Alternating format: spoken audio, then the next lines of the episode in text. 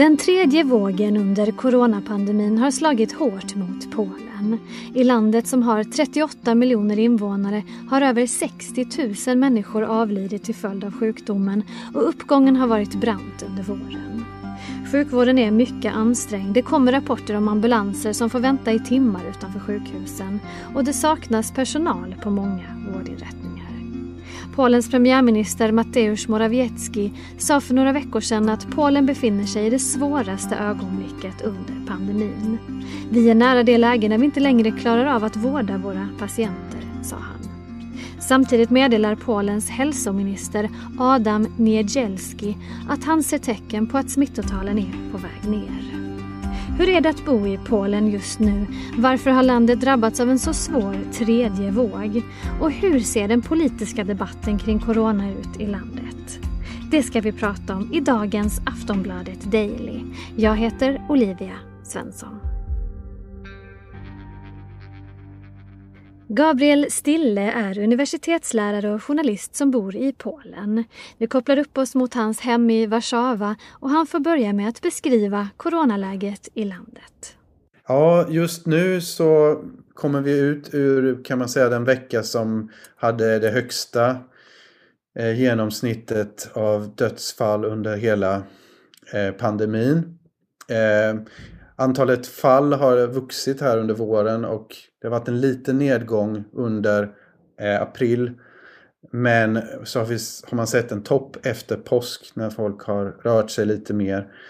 Så eh, det antalet som är inne på sjukhus är också väldigt högt och, och det är liksom det högsta antalet nu som, som vårdas i respirator. Så den tredje vågen har varit den mest allvarliga av, av alla i, i Polen.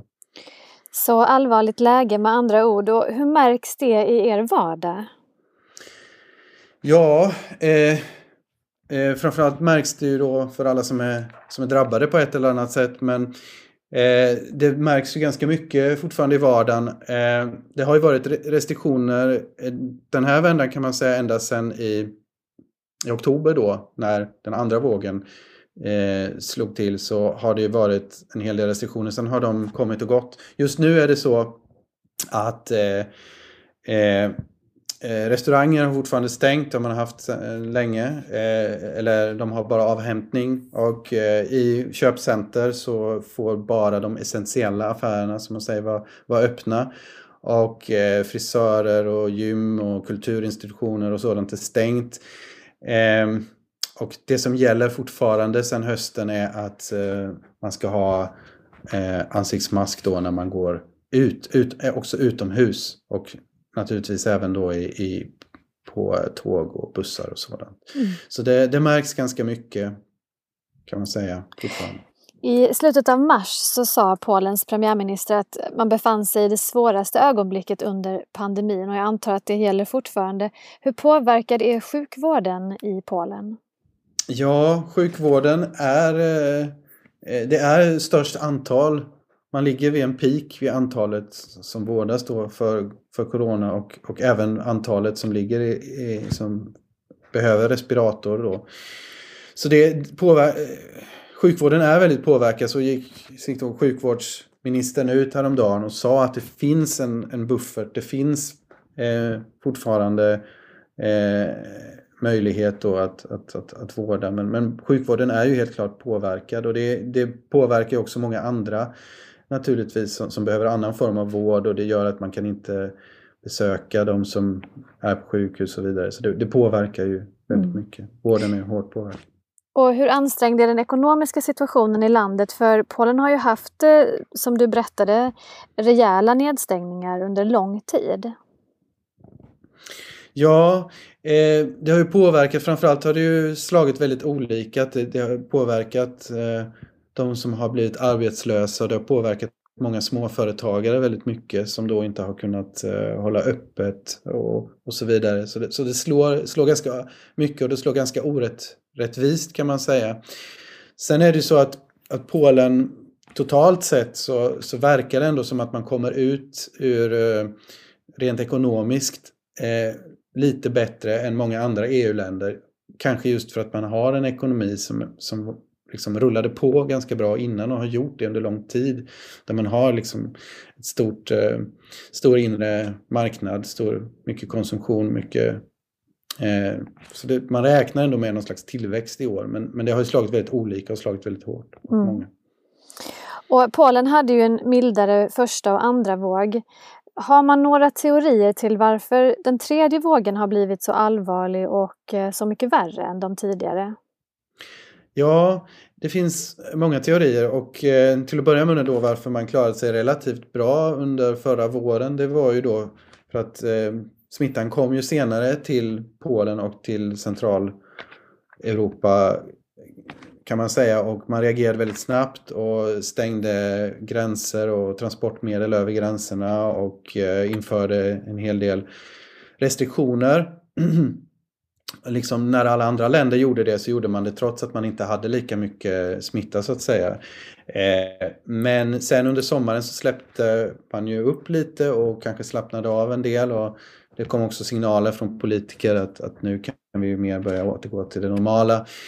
Så när den andra vågen sen kom under hösten så var man lite kanske oförberedd på det. Och eh, sen då i, vid nyår då när till exempel Sverige och andra länder stängde eh, mot Storbritannien då för den här eh, brittiska smittan, som man, eller brittiska eh, varianten. Då gjorde man inte det i Polen och där har många liksom gått in och, och, och tagit upp det som är en sån sak. Eh, men det är ju ett land som, som är tättbefolkat och som har eh, eh, liksom en arbetsintensiv ekonomi. Många arbetar med sådana jobb som man inte kan göra hemifrån. Och mm. Många liksom, arbetsplatser fortsätter ju, trots att skolorna är stängda och så vidare, så är det ju många arbetsplatser som fortsätter ändå som, som vanligt. Och, och människor umgås ju normalt sett ganska mycket över generationerna. Det finns en del tregenerationshushåll och så vidare. Och, och allt detta gör ju att det blir svårare i längden än i till exempel Skandinavien. Mm. Vad gör myndigheterna nu då när den här tredje vågen är här och eh, den ser så allvarlig ut? Planerar man nya restriktioner, eh, andra lagar eller sätt att få ner smittan på till exempel? Ja, man har gjort det nu under de senaste månaderna här att man har stängt ner mer. Eh, Bland annat när då förskolorna stängde, vilket är eh, också här någonting som man vill undvika. Så nu har man sagt att förskolorna ska kunna öppna igen på måndag till exempel. Mm. Ehm, eh, och den här lilla nedgången som man har sett då i antalet fall, trots allt de senaste eh, nu, de här senaste veckorna. Eh, man, snarare så att myndigheterna vill liksom signalera att vi hoppas, vi hoppas på vaccinationerna, vi hoppas på att nu när folk har, liksom, följer restriktionerna att det ska gå att så småningom lätta upp. Så, så, så det man gör är i princip att man, man hoppas att de här då restriktionerna som är så hårda som de någonsin har varit i Polen, att det ska räcka. Ehm, det, det, det är så, sådana signaler som man skickar. Hur ser den politiska debatten ut kring corona i landet? Har det varit samsyn bland de politiska partierna om hur landet ska eh, göra för att, för att stoppa smitta och för att få ner dödstal och så? Har, har det funnits en, liksom, något, någon slags konsensus eller har det varit en, en mer av en debatt? Nej, det, det, är svårt med politisk konsensus generellt i Polen och det har det inte varit heller om det här och det började redan under, under våren då när, när man skulle ha val och eh, regeringen ville till varje pris att det här valet inte skulle skjutas upp och eh, Eh, medan oppositionen eh, ville eh, göra det. Och eh, sen har det ju även själva bekämpandet av pandemin har man inte varit eh, heller överens om. Utan eh, regeringen som då är då nationalkonservativ kan vi kalla den mm, har ju fått kritik då från de här mer, mer ska man säga, mitten eller mitten-vänster partierna i oppositionen som gärna vill se Eh, som gärna klagar på när man har missat saker och eh, då kan tänka sig hårdare restriktioner. Samtidigt finns det en annan opposition som ligger ännu mer till höger om, om eh, regeringen då, en, en högerextrem eh, opposition som eh, snarare då vill eh, lätta upp och, och menar att att företagarna också har gått ut och organiserat en del demonstrationer där då småföretagare och andra har deltagit. Där man säger att vi, vi kan inte stänga ner ekonomin på det här sättet. Och, och, och där har man liksom blandats med olika då idéer. Dels att, eh, att det viruset är, är fejkat eller planerat eller sådana saker. Så att de, de här demonstrationerna som har funnits i olika former i olika länder. Så eh, regeringen har fått kritik från, från flera håll kan man säga. Mm. Kring det här. Hur går det då med vaccinationsprocessen i Polen? Är den i full gång? Vilka grupper är det som vaccineras? Ja, jo den är i full gång och man ligger eh, ganska mycket i fas med EUs eh, vaccinationsprogram kan man säga och man förlitar sig på de vaccin som EU då har förhandlat fram. Till skillnad från till exempel Ungern eller andra länder i som också har tagit in andra vaccin från, från Kina eller Ryssland så vill man inte göra det i Polen. Eh, och man började då med de allra äldsta och med sjukvårdens personal och andra prioriterade grupper men också till exempel lärare. Eh, så jag som då universitetslärare fick också mitt eh, eh vaccin i slutet mm -hmm. på februari och ska snart få min andra dos. Okay. Så, och, så det är lite olika grupper och nu håller man på och man har klarat av de äldsta och man, man, man betar sig så att säga längre och längre mot yngre och yngre grupper. Och man, målsättningen är då att alla vuxna som vill ska ha fått i alla fall en vaccin i slutet av året. Så man, man, man, samtidigt, som det finns, samtidigt som man har också problemet med att många inte vill ta vacciner. Många inte tycker att de eh, inte litar på det helt enkelt. Eh, men, eh, men man har fortsatt använda AstraZenecas vaccin till exempel, vilket är gemensamt för andra länder i Öst och Centraleuropa. Så det, det har man fortsatt med. Och, och vad finns det för debatt för där kring det? Ja, eh, jag vet inte om eh, debatten är jättestor men det är väl snarare att, det, att man vill inte se några stora avbräck i vaccinationerna. Och man har väl lyssnat då på dem eh, som, som menar ändå att det här är relativt små effekter liksom, som, som man har sett. Som inte gör att man behöver helt stoppa det utan man kan kanske i olika faser har man då, precis som i Sverige, sagt att olika åldersgrupper inte ska vaccineras med AstraZeneca. Annars har, det, annars har man liksom fortsatt. Nu är det ju då en vaccinationsprocess som ändå låter som att den rullar på.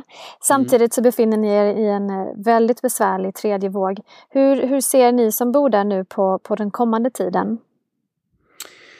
Ja, eh, det är väl så att eh, som i många andra länder så kastas man mellan kanske hopp och förtvivlan när det gäller det här och eh, hur lång tid saker egentligen kommer ta innan det i olika faser kan öppnas upp. Så jag, jag tror att eh, precis som regeringen, de, de har ju annonserat nu att det här, kommer, det här kommer vara fram till minst 25 april men det är väl ingen som tror att allting kommer öppna därefter utan eh, det kommer ju fortsätta i olika former. Och då många polacker har ledigt runt eh, första maj är ju ledigt och tredje maj är också ledigt för det är konstruktionsdagen då så då, då är det en sån helg som man gärna åker iväg på någon semester eller någonting. Men då har man sagt att alla hotell kommer fortfarande vara stängda då. Så, så det, just nu så är det att det är att hålla, hålla ut och hålla i helt enkelt. Mm. Även i Polen. Även i Polen. Ja. Tack Gabriel Stille. Tack så mycket. Sist här hörde vi Gabriel Stille, universitetslärare och journalist som bor i Warszawa. Jag heter Olivia Svensson och du har lyssnat på Aftonbladet Daily. Tryck gärna på prenumerera-knappen så missar du inga avsnitt. På återhörande, hej då! Du har lyssnat på en podcast från Aftonbladet. Ansvarig utgivare är Lena K Samuelsson.